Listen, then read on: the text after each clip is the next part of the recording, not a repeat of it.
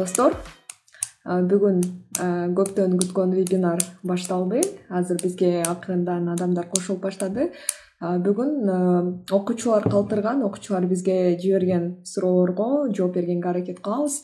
Эгерде сиз э, онунчу класстын же болбосо он биринчи класстын окуучусу болсоңуз жана жакында орт тапшыра турган болсоңуз анда албетте бул эфир сиз үчүн абдан пайдалуу болот баарыңар дагы бир жолу кош келдиңер анда достор убактыбызды албай биз э, суроолорго жооп берип баштай берсек болот экен. Анткени бул жакта суроолор көп. Менин оюмча силердин дагы бере турган суроолоруңар бар. Бүгүн биз ортга кантип даярдалса болот? Жана ортда окуучуларды кыйнаган ойлондурган жана Э, түн уйкусун алган суроолорго буюрса жооп беребиз. Бул жакта калтырыптыр. Эң биринчи суроодон баштасак эң биринчи суроо айганыш э, жумабаева деген кыздан келген экен э, э биринчи окуйлу. Психологиялык жактан кантип даярдануу керек дейт ортга бизге кыйын болгон кээ бир ортнун бөлүмдөрүнө кандай аракеттерди көрүү менен көздөгөн балыбызга жете алабыз? Негизи эле достор мен баардык катталуучуларыма айтарым суроолорду бергенде конкреттештирип бергенге аракет кылгыла. Мисалы бул жакта биздин катталуучубуз бизге кыйын болгон кээ бир ортнун бөлүмдөрүн деп жазып атат мен кайсы ортнун бөлүмү ким үчүн кыйын экенин азыр так айта албайм э. Мисалы айганыш үчүн балким аналогия кыйын болушу мүмкүн бирок балким бул жакта эльмира жүрөт э бизде арабызда эльмира үчүн окуу түшүнүү кыйын болушу мүмкүн. Ошондуктан ушул нерселерди суроо берип атканда эле конкреттештирсеңер аябай жакшы болот. Так келгиле анда. Биринчи психологиялык даярдык боюнча сүйлөшөлү.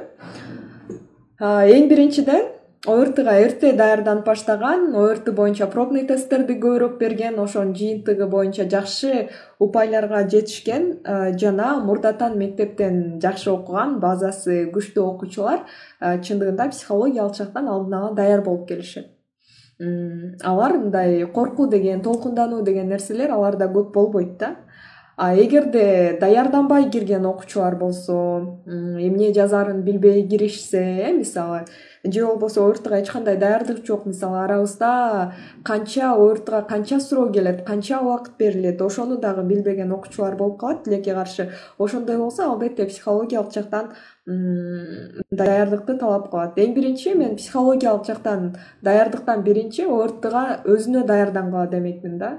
Эгерде өзүнө даяр болсоңор анда и так э, психологиялык жактан силер көп деле коркпой кыйналбай кирип бергенге мүмкүнчүлүгүңөр болот бирок ошого карабай деле даяр болсоңор деле психологиялык жактан бир аз кыйналып атсаңар анда албетте эң биринчиден мисалы психологиялык жактан дегенде анын көп түрү бар э толкундануу бар коркуу сезими бар ушул сыяктуу. Эгер толкунданып коркуп атсаңыздар анда башка силерге окшогон ал жактагы төрт жүз адамдын үч жүз токсон тогузу деле силерге окшоп коркуп толкунданып атканын билишиңер керек. Себеп дегенде бул ушундай процесс.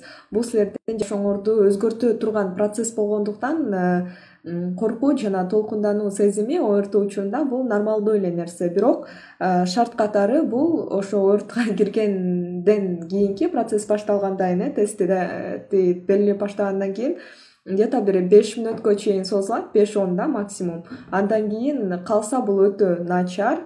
Ага калтырбаганга өзүңөрдү өзүңөр жеңгенге аракет кылышыңар керек. Мунун дагы бир канча түрлөрү бар. Анткени муну баарын айтып отуруп алсак азыр бир саатыбыз кетип калат. Ошондуктан эң биринчи бул катталуучубузга сунушум эң биринчиден ортга жакшы даярдык көрүңүз. Анан психологиялык жактан кандай мындай тщательно кантип даярданыш керек? Ал боюнча дагы ортга жакын калганда мен кененирээк айтып берем. Жумайым жазып атат жолчубекова биздин катталуучубуз биздин окуучубуз көптөн бери биз менен аябай жакшы байланышта дейт. Саламатсызбы? дейт. Жалпы республикалык тестирлөөдөн жогорку балл алганда башка мамлекеттерден да сунуштар түшүүбү? дейт угуп калдым эле чындыкка жатабы же ортнын баллы менен башка мамлекеттерге тапшырууга болобу. Негизинен ортнын баллын кээ бир университеттер карайт деген нерсе бар. Ооба кээ бир университеттер карайт бирок көпчүлүк университеттер карабайт. Бир он эле бир онго жетпеген эле процентине иштейт. Тем более дүйнө жүзүндөгү баардык мамлекет университеттер кыргызстан менен эч кандай мындай көп келишими жок да силер чет мамлекетке тапшыра ала турган белгилүү бир программалар бар силер өтө ала турган. Ага эң биринчиден орт эмес силердин английскийиңерди карайт. Ошондуктан эгерде чындап эле кимдир бирөө башка мамлекетте окуйм дароо эле бакалаврды э төрт жылдык билимди башка мамлекеттен окуп келем деп атса анда албетте эң биринчиден англис тилин жакшыртууну англис тилин үйрөнүүнү сунуштайм ортдан канча жогорку балл алсаңар дагы золотой алсаңар деле европанын мамлекеттерине окууга өтүүгө мүмкүнчүлүк мисалы болбойт. Кандай айтсам эгер английскийиңер болбосо ортуңар канчалык жогору болсо деле өтө албайсыңар да. Демек эң биринчиден чет мамлекетке окугуңуздар келсе анда албетте биринчиден английскийиңерди жакшыртышыңар керек. Андан кийин анан ортны дагы жакшы балл алганга аракет кылыш керек. Бирок ортнун өзү менен эле чет мамлекетке кайсы бир окууга өткөн окуучуларды мен чынында көргөн эмесмин. Э, эрланова тунук берип атат суроо. Азыркы учурда кайсы кесип керек? дейт. Азыркы учурда негизинен көпчүлүк кесиптердин баары актуалдуу эле тактап айтканда көп эле кесиптер керек. Мисалы журналисттер дагы керек экономисттер дагы керек. Ошол эле көп деп аткан юристтер экономисттер баары эле керек болгону сизге кайсы кесип жагат ошону тандап алышыңыз керек. Мисалы азыркы учурда айти трендте болуп атат э? айтишниктер керек дейт. Ооба туура айти трендте но если бул кесип сизге жакпаса сиз э, бул кесипте иштегенден аябай кыйналып атсаңыз анда бул кесипти тандоону мен сунуш кылбайм азыркы учурда негизинен кайсы кесиптер актуалдуу дегенде айтишниктер э, актуалдуу. Э, бизде дагы бир атайын рубрика бар. Ушундай суроолоруңарга жооп берели деп чыгарганбыз бул рубрика келечектин кесиптери деп аталат. Биздин э, жылдыз академия баракчасынан инстаграмда силерге жума сайын келечекте кайсы кесиптер актуалдуу болот? Ошону мындай көп убакыттан бери чыгарып келебиз жарым жылдан ашып калды. Демек э, где то бир аябай көп эле э, немени чыгардык да көп эле кесиптерди чыгардык. Э, бир аз эринбей ылдый кылып барактасаңар ошолор чыгат ошол нерселердин баарын окуп алгыла. Анткени анын баардыгын сөз менен кайрадан айтып берүүнүн бул жакта эч кандай кереги жок болуп калат раева ноль үч деген катталуучубуз достор менин үнүм жакшы угулуп атабы ошону дагы бир карап коеюн жазып койгулачы сураныч. Эгер үнүм жакшы эле угулуп атса плюс белгисин коюп койгула бир эки үчтү жөнөтсөңөр жетет. Себеп дегенде үнүбүздү жакшы текшербей калдык окшойт башында. Макул достор раева деген э, катталуучубуздун суроосуна жооп берели. Айылда окугандарга ортдан э, льгота болот деп айтышат го ошол боюнча айта кетсеңиз дейт. Туура айтасыз негизинен кыргызстанда тоо аймактарда жашагандарга айылда жашагандарга шаарчада жашагандарга жана шаарда жашагандарга рахмат плюстарга үнүм угулуп атса абдан сонун.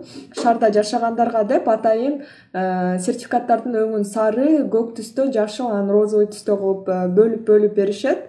Э, айылда жашагандарга жеңилдетүү бар бирок сөзсүз түрдө эле айылда жашайм мен начар балл алсам университетке өтөм деп ойлобогула достор. Бул кайсы учурда? Мисалы мед академияга эки окуучу тапшырды. Бирөөсү шаардан жүз кырк жети балл алды бирөөсү айылдан жүз кырк жети балл алды. Анан экөө тең экөө тең бир орунга бир эле орунга алды мисалы ошол эки бир орунга эки претендент болуп калганда тактап айтканда эки адам ошого туруп калганда анда ошондо сертификаттын өңүн карайт да кайсыл жактан деп. Анда ошондо кичине айылдан келген окуучуга артыкчылык берилет. Бирок айылдан сиз жүз отуз алып келсеңиз бирөө шаардан жүз элүү алса анда жүз элүү өтүп кетет да. Бул жакта эч кандай анда жана сертификаттын өңү роль ойнобойт анткени бул жыйырма баллдык айырма билимиңерде канчалык айырма бар экенин көрсөтөт. Кай төрт жүз сегиз деген катталуучубуз ортуга өз аз дейби алтын ай кантип эң мыкты? Даярдана алам дейт эч кандай курстарга катышпай анткени акча каражаты көп кетип калат экен курстарга дейт. Бир аз башында суроо так эмес бирок ошентсе дагы мен негизгисин түшүндүм. Негизинен өз алдыңарча кантип даярдана алсаңар болот? Мыкты деңгээлде анан курстарга барбайлы деген суроону берген экенсиз. Бул үчүн анда сизде мектепте окуткан биринчиден мектепте бэкграундуңуз жакшы болуш керек. Мектептеги мурда окуган билимиңиздин деңгээли аябай жакшы болуш керек анан э, өз алдыңызча даярданганда ошого кандай десем бизде мектепте мисалы логиканы өтпөйт аналогияны өтпөйт Э, ошондой ошол нерселер жок болгон үчүн аны кошумча бир жерден алыш керек болот. Э, биринчиден жакшы китептерди алып ошолорду окуганга аракет кылыңыз. Анан мындай примерный сомонун чыгарган китептери бар ошолорду деле сунуштай алам. Негизи сурагандарга ал касым тыныстанова токсон сегиз деген адресте бишкекте сатылат болуш керек жаңылбасам ушу сомонун китептери менен эле даярдангыла анан ал жакта негизи гайд деп коет. Жалпы ортга примерно кандай суроолор келет?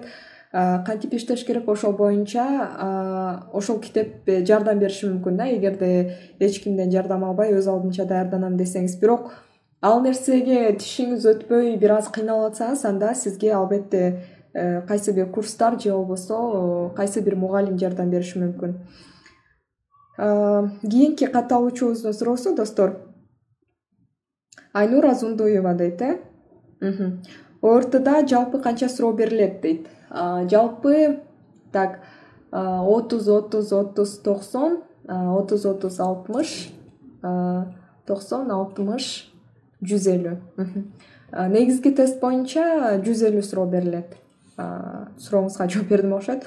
Ортого кантип эффективдүү түрдө даярданыш керек дейт? Мээрим айдаралиевадан келген экен бул өтө мындай general question дейт го. Англисчеде өтө мындай жалпыланган суроо. Бугунун ар кандай көп түрлөрү бар. Ошентсе да мен кыскача жооп берип кетейин. Ортого эффективдүү даярданыш үчүн эң биринчиден эң биринчиден эрте башташ керек. Колдон келишинче. Анткени силер мисалы ортга бир эки үч ай калганда даярданып баштасаңар эки айдан кийин айтасыңар да ии мен эрте даярдансам болмок экен. Анткени могу могу могу темаларды окуп жетишпей калдым дагы эле. Ошондуктан эрте баштасаңар жана темаларды окуп жетишкенге көбүрөөк мүмкүнчүлүгүңөр болот. Азыр араңарда кээде мага жазгандар бар мисалы жылдыз эже азыр эрте окусак унутуп калбайбызбы депчи. Мени таң калтырган суроо анткени эгерде силер мектептен баштап жаттай турган жаттаган нерселер менен ошентип окуп атсаңар анда албетте жаттап окуйм десеңер анда унутуп каласыңар. Негизи баардык нерсени түшүнүп окуш керек да. Түшүнсөңөр батыраак эсиңерде калат жана ал эсиңерден чыкпайт. Ошондуктан биздин академиянын немеси дагы лозунгу дагы ошондой биз жаттаганга эмес туура ой жүгүрткөнгө үйрөтөбүз. Демек э, силер жаттаганга эмес э, туура ойлонгонго логикалык суроолордо туура жооп бергенге өзүңөрдүн багажыңарды көбүрөөк китептерди окуп өзүңөрдүн билимиңерди тереңдеткенге аракет кылышыңар керек. Э, ортда жаттап ала турган нерсе эмес. Бул таблица эмес да мисалы жаттадыңар эки жерде эки канча деп сурабайчы тогуз жерде тогуз сексен бир деп постоянно андай болбойт да. Ошондуктан силер ортда эч качан бир нерсени жаттап албайсыңар.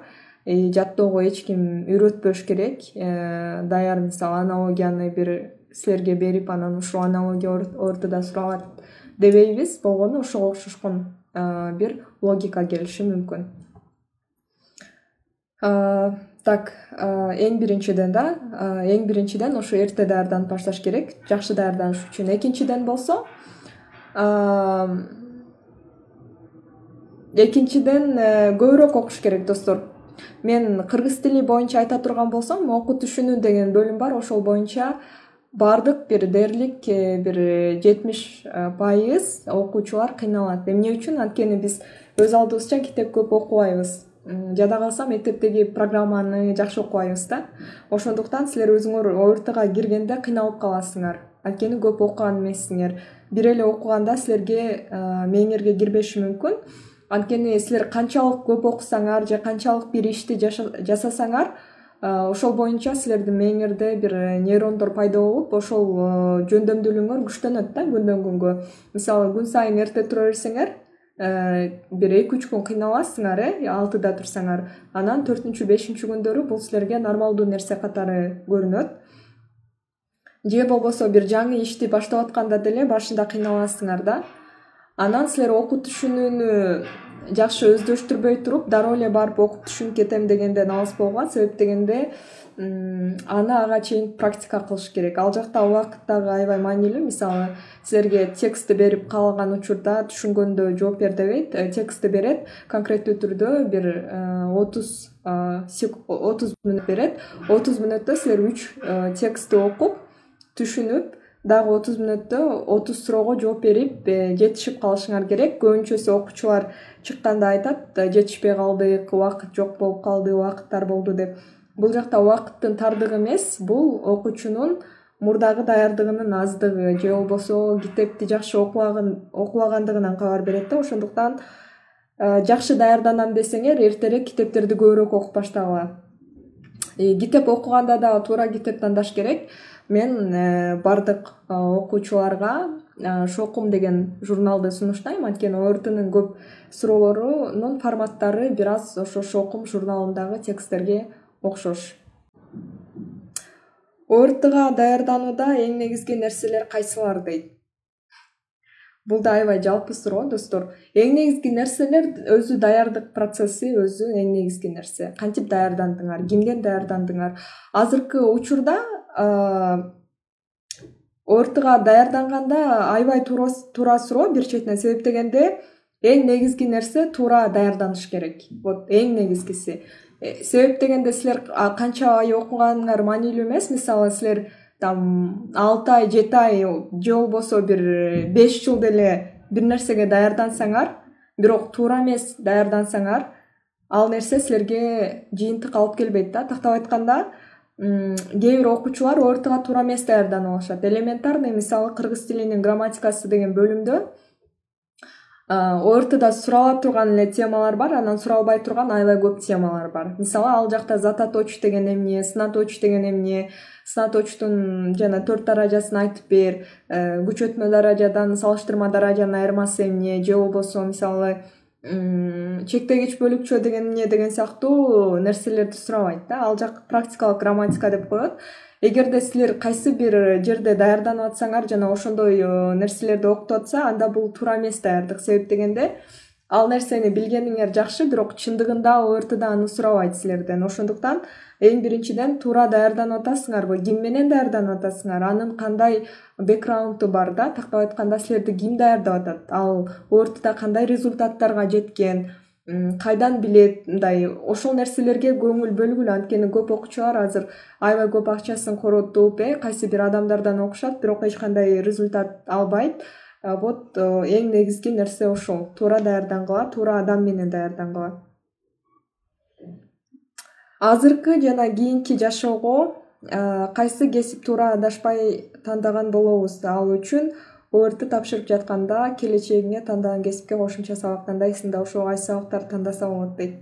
Вот э, бул суроо кыргызстандагы окуучулардын деңгээлинин көрсөткүчтүгү билим берүүнүн алсыздыгы да.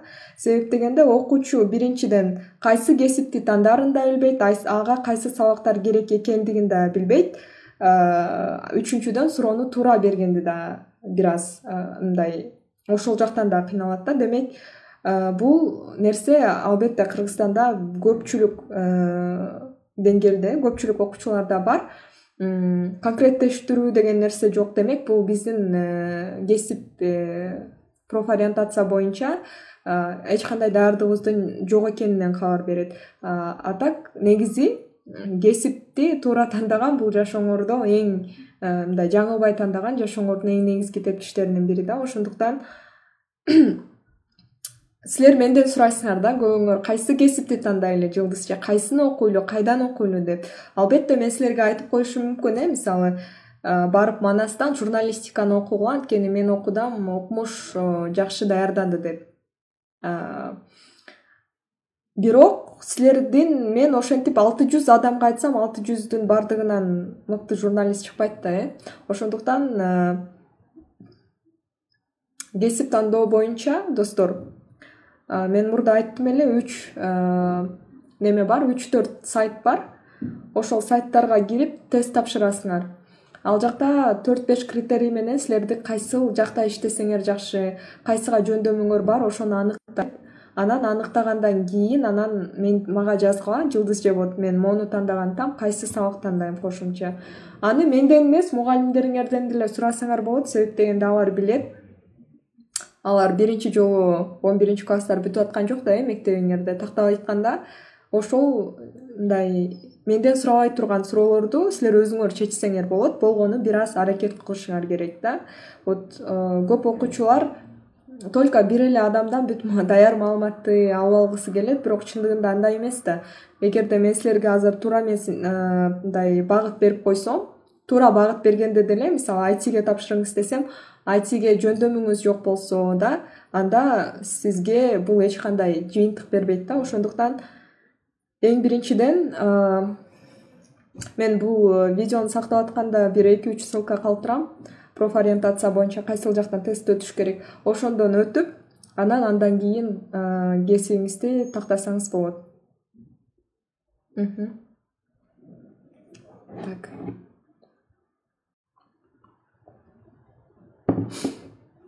Так эмне болгон сайт деп сурап атасыңар э? Мен сайттардын аттары тестометр точка ком ушундай сайттарда мен үчөөнү тең азыр калтырайын бир аздайын тактап э, э себеп дегенде ал сайттарды мен караганым аябай көп болду азыр эсимде жок. Аяна дейт. Эфирди сактап коюңузчу дейт. Бул жакта дагы көбүңүздөр жазып атасыңар албетте эфирди сактаганга аракет кылам. Сактап коем буюрса ай турдубекова дейт. Туризм боюнча айта кетсеңер же программист дейт э? Макул. Туризм боюнча же программист. Демек э, ай аянабы э атыңыз. Макул бул катталуучубуз э, туризмди тандасамбы же программированияны тандасамбы деп экөөнүн ортосунда турган экен. Ошол боюнча айта кетсеңиз дейт экөө тең кыргызстанда келечеги бар аябай жакшы тармактар.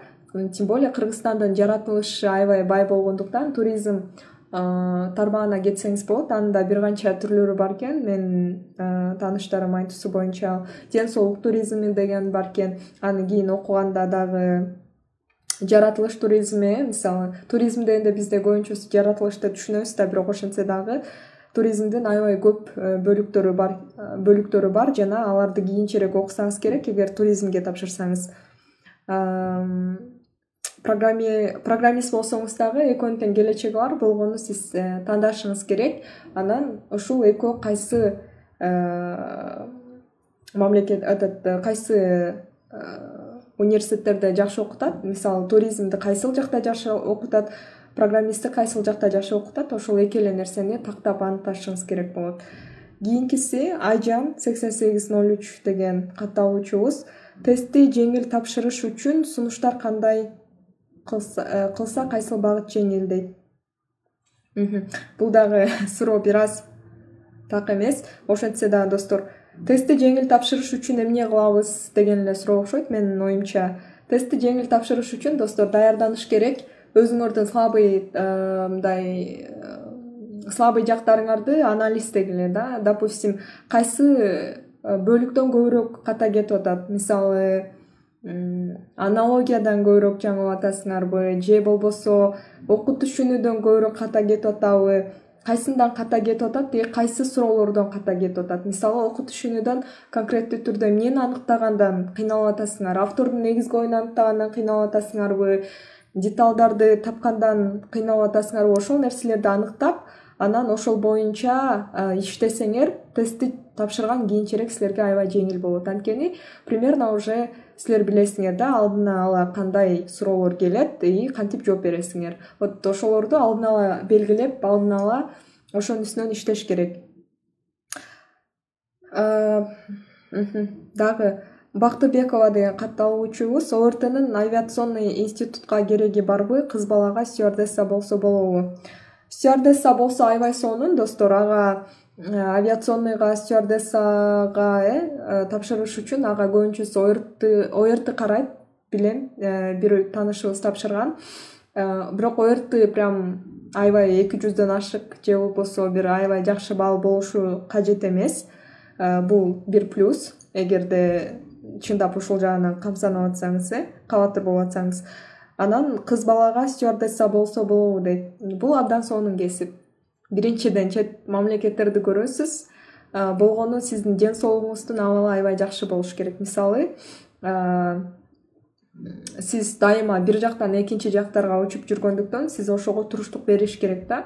Ал жакта боюңуздун узундугу керек анан стюардесса болгондон кийин тил билиш керек. Эгерде сиз мисалы англисче түркчө же болбосо билбейм орусча э мисалы эң керектүү тилдер кыргызстан үчүн. Ушул же болбосо мисалы кытайча аябай жакшы сүйлөп турсаңыз анда кыргызстандан башка дагы мамлекеттерде көп жерлерди көрүп стюардесса болуп иштегенге көп авиалинияларда иштегенге мүмкүнчүлүк болот көбүрөөк болот да. Так жооп бердик окшойт да айзирек алымбекова жазып атат. Саламатсызбы жылдыз эже дейт. Саламат кандайсыз? Жакшы рахмат мен үчүн сүйлөм толуктоо өтө кыйындай сезилет. Себеби кайсы варианттарды койсом да баардыгы туурадай туюлат мага кеңеш берип кетиңизчи кантип жакшыртсам болот же кантип туура даярданышым керек? Вот айзиректин суроосуна аябай канааттандым достор. Анткени бул так конкреттүү түрдө сурап атат. Вот сүйлөм толуктоодон кыйналам кайсы варианттарды койсом да баардыгы туура көрүнүп атат деп бүт проблемасына чейин аябай жакшы кылып айтып атат. Эми буларга уже мындай ушундай суроолорду жазганга аракет кылгыла э достор. Мындай так конкреттүү түрдө биз билебиз да эмне керек айзирекке негизи сүйлөм толуктоо бөлүгүнөн көп окуучулар кыйналат. Болгону чыгарып салуу деген ар кандай методдор бар. Мисалы сүйлөм толуктоону башында сүйлөмдү окуп келатасыз да анан биринчи сөздү койсоңуз туура экинчи сөздү койсоңуз уже туура и үчүнчүгө келгенде жаңылат да. Кыскасы ал нерсени уже чыгарып саласыз анан кийинкисин ушундай ушундай кылып өтө бересиз.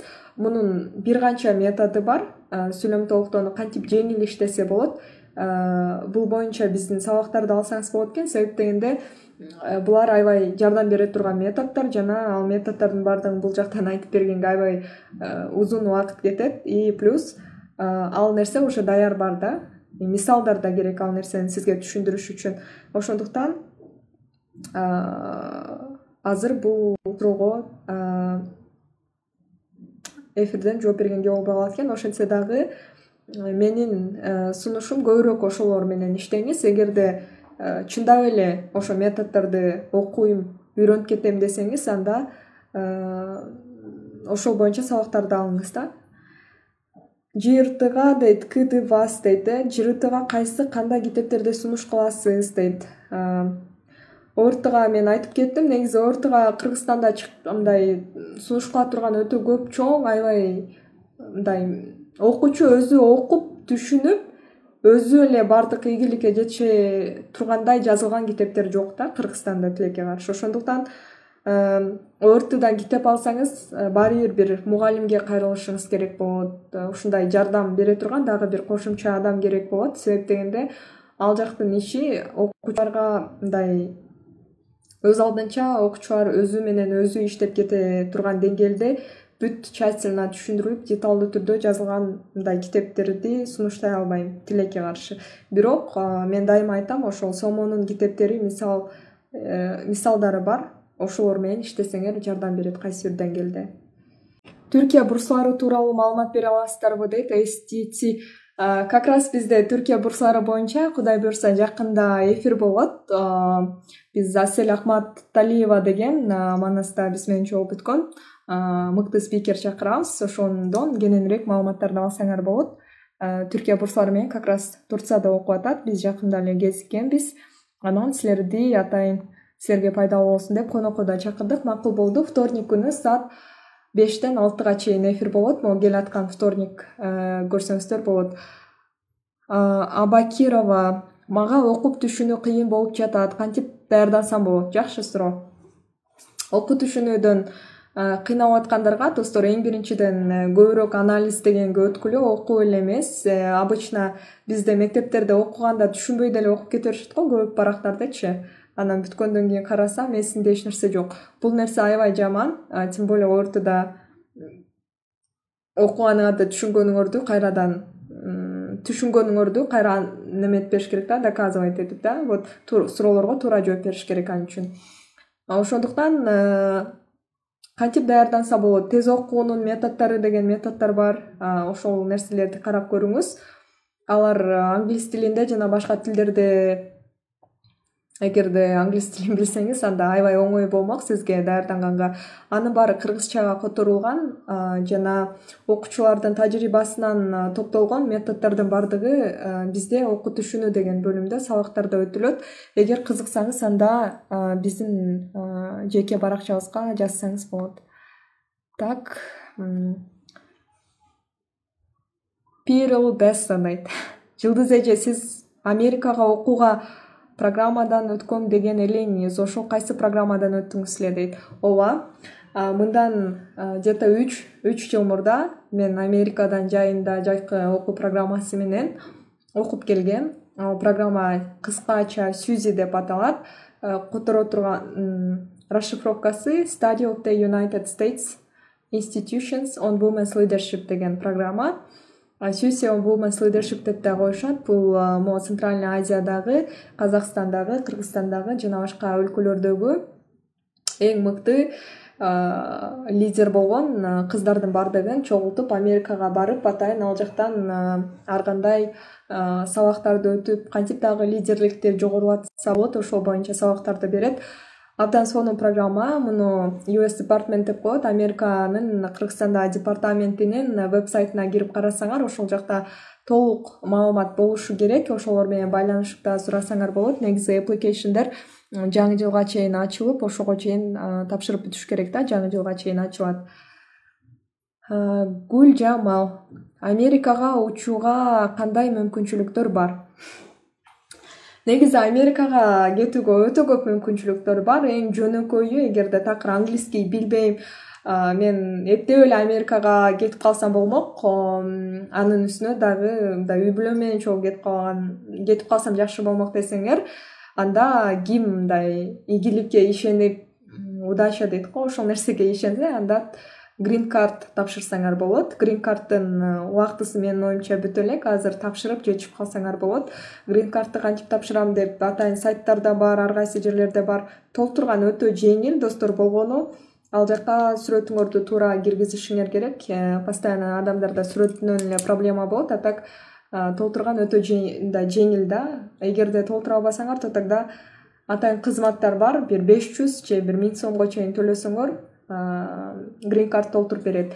Грин кард толтургандан кийин силер эгер аны утуп алсаңар анда америкада үй бүлөңөр менен жашаганга менин оюмча беш жылдык убакытка мүмкүнчүлүк аласыңар.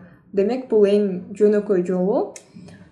Экинчи жолу тем более бул жакта бизге жазылгандардын көпчүлүгү студенттер болгон үчүн окуучулар болгон үчүн албетте экинчи education дейт. Бул билим алуу аркылуу кетсеңер аябай оңой. Билим алуу аркылуу кеткенде ал жака кетүүнүн бир канча программалары бар. Мисалы мен окуучуларга flex деген программаны сунуштайм.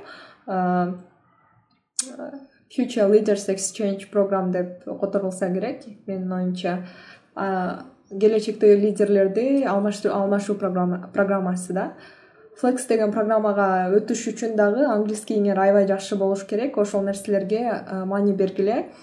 Андан кийин мен барган сюси деген программа бул кыздарга арналат. Анан юград деген программа бар. Биздин көп эле тааныштарыбыз барып жүрөт. Муну силер студент болгондо тапшырсаңар болот. Андан тышкары э, кийинчерээк магистратура башкаларга дагы программалар бар ар кандай. Бирок аны мен кийинчерээк айтып берет окшойм. Анткени азыр бул релевантсыз болуп калат убактыбызды көбүрөөк алат так. Жылдыз эже кореяга окууга программалар барбы суранам совет берип коюңузчу дейт. Биз бул боюнча башка адамды чакырып берели. Достор мен кореяга өтүү боюнча толтура программаларды билбейм. Эфирди сактап коюңузчу дейт. Мээрим макул жасмина макул так. Алия.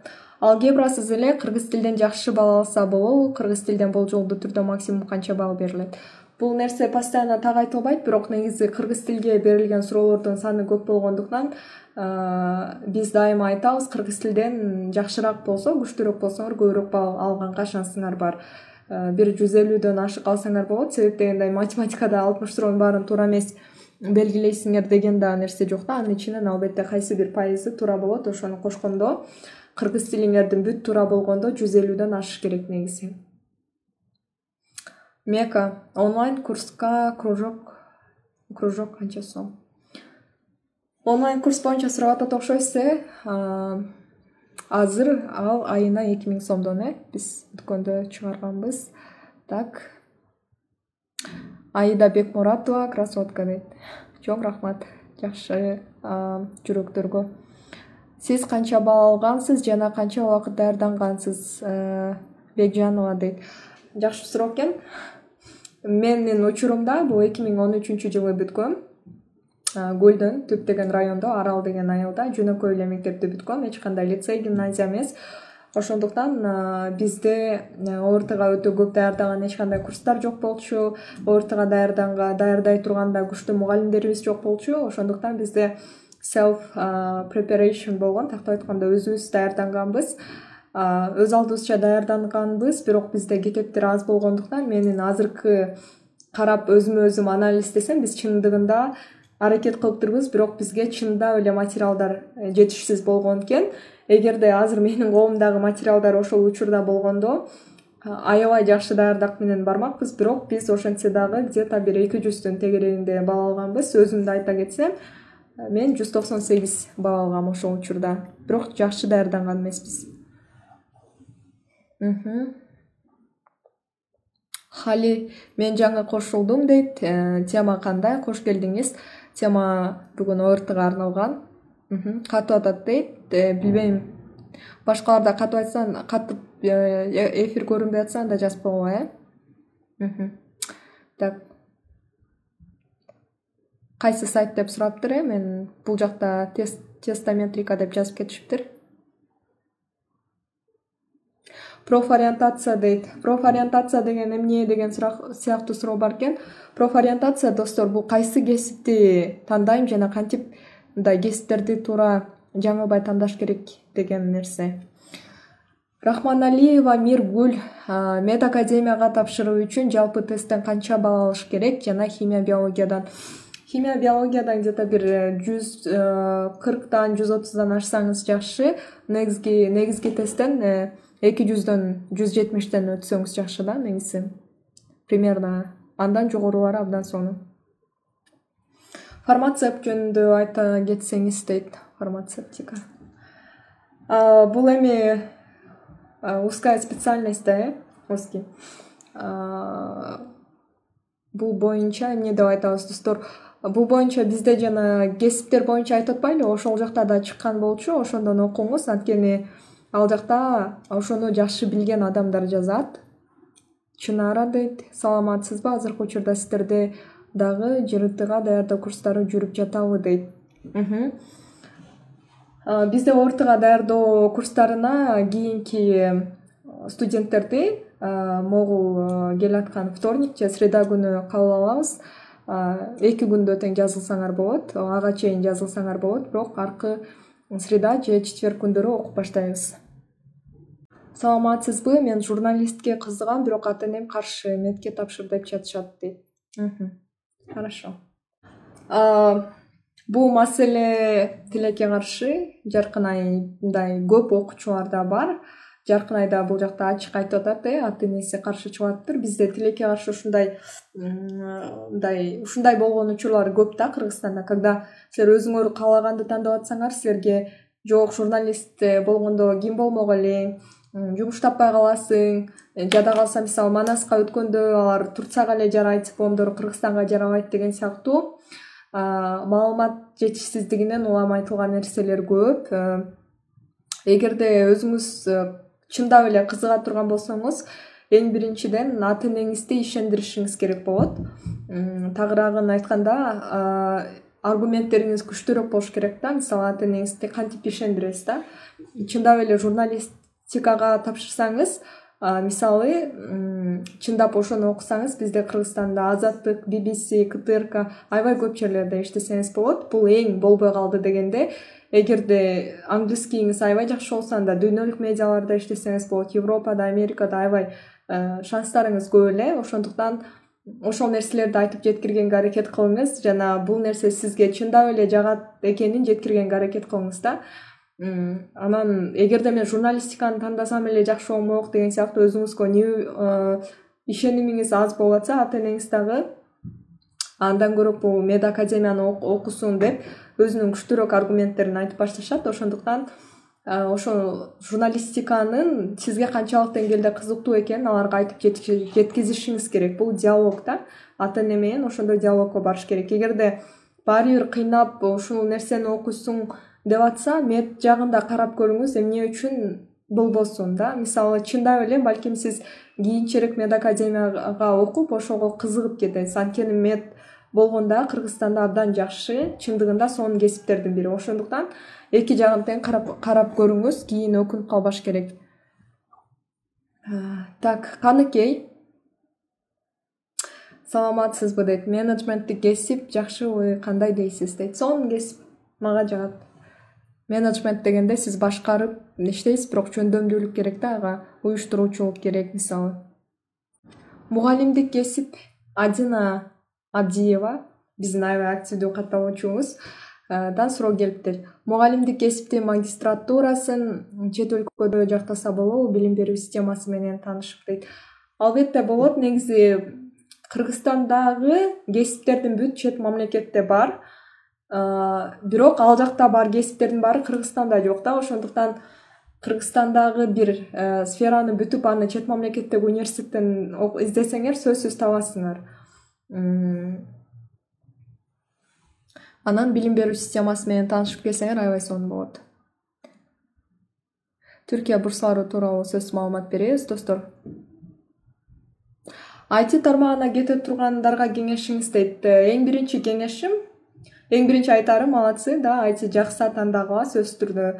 Айти өзү мындай аябай кызыктуу тармак эгерде ошого кирип ошол нерсени кызыгып изилдесеңер. Анан айти тармагында андан кийин иштеп баштаганда бул жакта практика аябай маанилүү. Анткени жада калсам мындай кыргызстандагы эң алдыңкы деле немелер алдыңкы окуу жайлары деле азыркы учурга талапка туура келбеген программалоонун тилин үйрөтүшөт. Ал нерселер дайыма эскирип турат.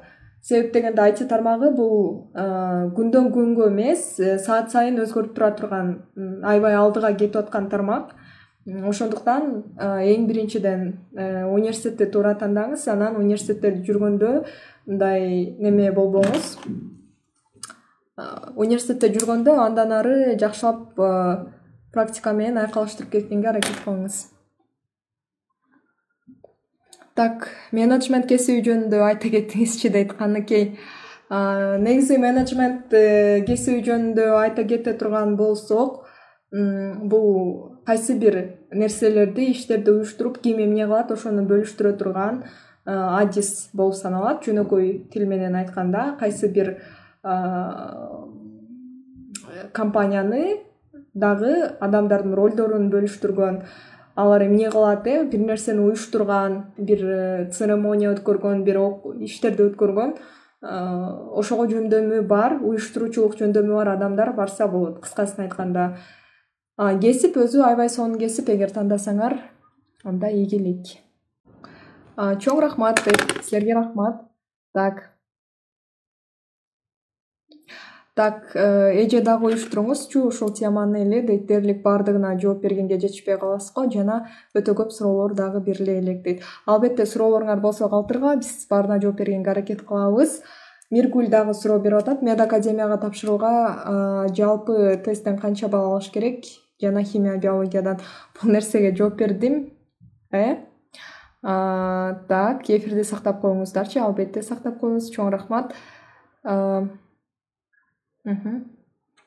юр жакка окууга кайсы предметтерди кошумча тандасак болот? Негизинен тарыхты тандашат ал жака бара тургандар. Саламатсызбы? Ортга даярдоо курстары башталдыбы? Толук маалымат берип кетиңизчи дейт. Э, негизинен ортга э, биз жумасына беш жолу э, окутабыз э султанканова э султан акунова экен жумасына беш жолудан даярданасыңар ортодо келе турган эле темаларды окуйсуңар. Келбей турган темаларды окутуп убактыңарды албайбыз. Дагы эмне маалыматтарды берем? Математика кыргыз тили эки бөлүмү тең бар жана кошумча тесттер дагы бар. Э, эгерде чындап мындай толук маалымат алам десеңиз анда биздин э, жеке баракчабызга жазып коюңуз. Анан мен жооп берем айтегин дейт кыргызстандан алган орт менен чет мамлекеттеги университетке тапшырсак болобу. Орт менен баардык жак карабайт достор. Бул аз сандагы эле университеттер алардын аттарын точно билбейм бирок негизи орт менен чет мамлекетке тапшырганга дээрлик болбойт да. Тойфл тапшырыш керек ал үчүн англис тилин үйрөнүш керек. Туризм боюнча айта кетсеңиз дейт туризмдин кыргызстанда келечеги аябай кең. Тапшырсаңар аягына чейин чыгып өз компанияңарды негиздеп алып кеткенге аракет кылгыла так медетбекова дейт алгебрада бир теманы үйрөнүп чыгарам бирок ошол эле эсепти унутуп калам. Канча бир убакытта эмне кылсам болот? Бир нерсени эсиңерде сакташ үчүн кеминде отуз үч жолу кайталаш керек анан унутпайсыңар эч качан. Так. Бактыбекова жыйырма үч дейт логиканы өнүктүрүш үчүн эмне кылыш керек? Жакшы суроо экен. Логиканы өнүктүрүш үчүн достор дагы он мүнөтүбүз бар экен логиканы өнүктүрүш үчүн көбүрөөк маалыматка ээ болуп жана аны анализдегенди үйрөнүш керек. Логикалык тесттер бар ошолорду иштегенге аракет кылгыла. Каныкей саламатсызбы дейт. Менеджменттик кесип жөнүндө айта кеттиңизчи дейт э. Бул нерселерге негизи мындай жооп берип өттүм окшойт. Мээрим исматова менеджмент туризм и гостиничного дела дейт мээрим исматова экөө тең эле жакшы болуш керек бирок менин оюмча экинчисин тандасаңыз дагы жакшыраак. Туризм гид тармагы кайсыл өлкөдө өнүккөн кайсы жака окусам болот дейт. Кайсы мамлекетте дейт э насирова. Туризм гид тармагы негизи турцияда өнүккөн кыргызстанда өнүккөн бир канча мамлекеттерде өнүккөн бирок менин оюмча ушу кыргызстан менен турциянын ортосундагы өлкөлөрдө иштесеңиз жакшы.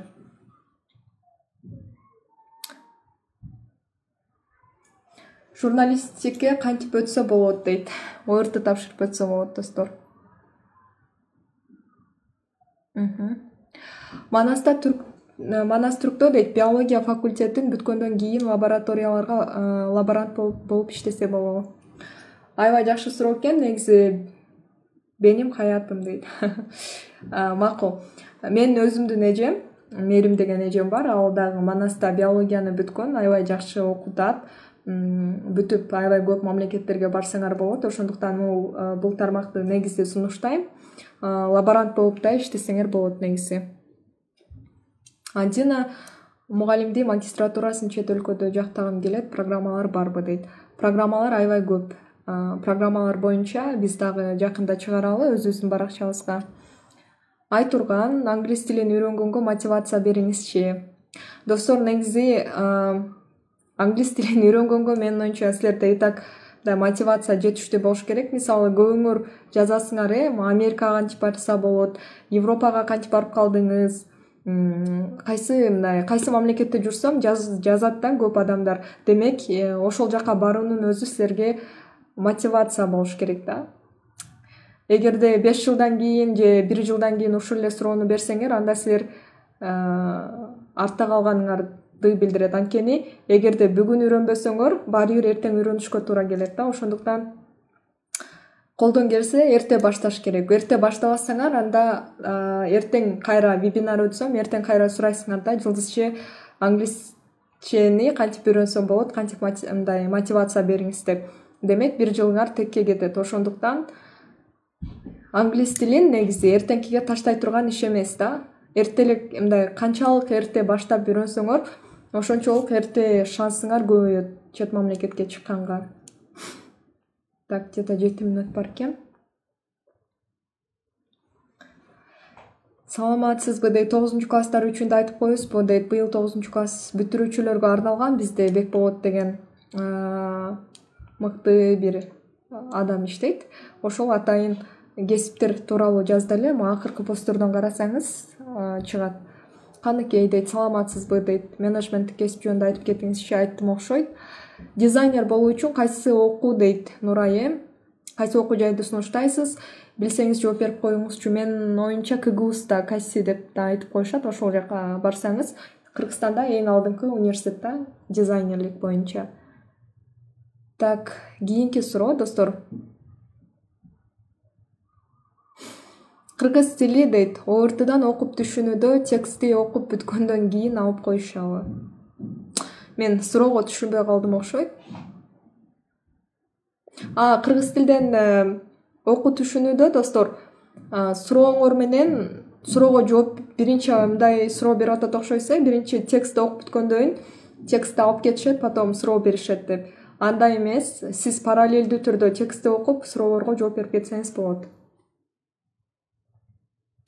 Эркай эмчоң рахмат жүз токсон сегиз балл абдан сонун дейт ортого кандай даярдануу керек болуу боюнча башында кыскача айтып кеттим. Кыргызстанда мыкты үч университет кайсы деп ойлойсуз? Менин оюмча кыргызстанда мыкты университеттер э, бул манас университети ауца университети дагы славянский деп айтышат. Бирок ар кандай да негизи бүт эле университеттер мыкты бирок мисалы политехте именно технологдорду мыкты даярдайт да. Башка университетте башка бир кесиптерди мыкты даярдайт. Мед академия мыкты мисалы. Мед академияга эч бир мындай мед тармагы боюнча и так эле ошол жак. Ошондуктан мындай мыкты университет деп бирөөнү көрсөтүш кыйын да. Так макенова дейт э, азыркы учурда кайсы окуу жайда окуйсуз? Мен азыркы учурда будапештте корвин деген университетте окуйм. Ауцага канча балл керек дейт. Ауцага колдон келишинче золотой менен бекер окуганга аракет кылган. Негизи эки жүздөн жогору балл керек. Э, кайсыл жерде дейт эмнени сурап атасыз түшүнгөн жокмун. Кайсыл жерде кайра жазып койсоңуз. Ауцга ортдан канча балл алуу керек дейт. Ауцага ортдан жогору балл алууга эки жүздөн жогору. Англис тилди азыр үйрөнүп баштасам ортого чейин үйрөнүп кетемби дейт. Ооба жакшы эле үйрөнүп каласыз негизи. Так медик врач болуу үчүн кайсы сабактарды ортого даярданыш үчүн тандаш керек? Так биологияны тандайсыз анан химияны тандайсыз э саламатсыздарбы? Манастын программалоо жагына өтүш үчүн канча балл алыш керек дейт? Кошумча кайсы сабактарды тандоо керек? Физиканы тандайсыз негизгиден бир эки жүздөн жогору балл алыш керек да. Анткени ал жакка конкуренция аябай күчтүү. Ортго онлайн курстарыңыз барбы дейт? Бар достор биздин жеке баракчабызга жазсаңар айтып беребиз. Нурай манас университетине канча балл алуу керек дейт? Негизи ортдан бир бир жүз сексенден алсаңар өтөсүңөр сиздердин курста аптасына канча жолу болот дейт? Жумасына беш жолу болот. Неме курс канча этаптан турат дейт? Үч ай болот негизи этаптарын. Жазсаңыз айтып берем.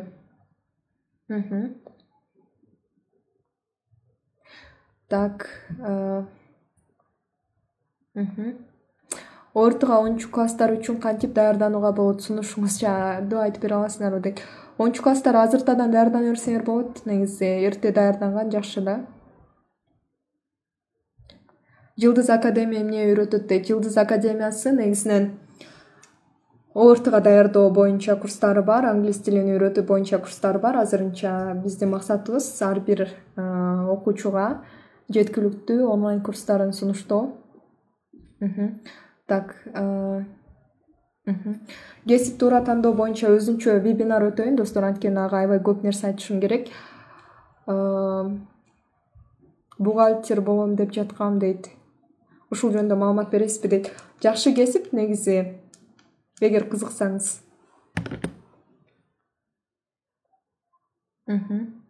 Так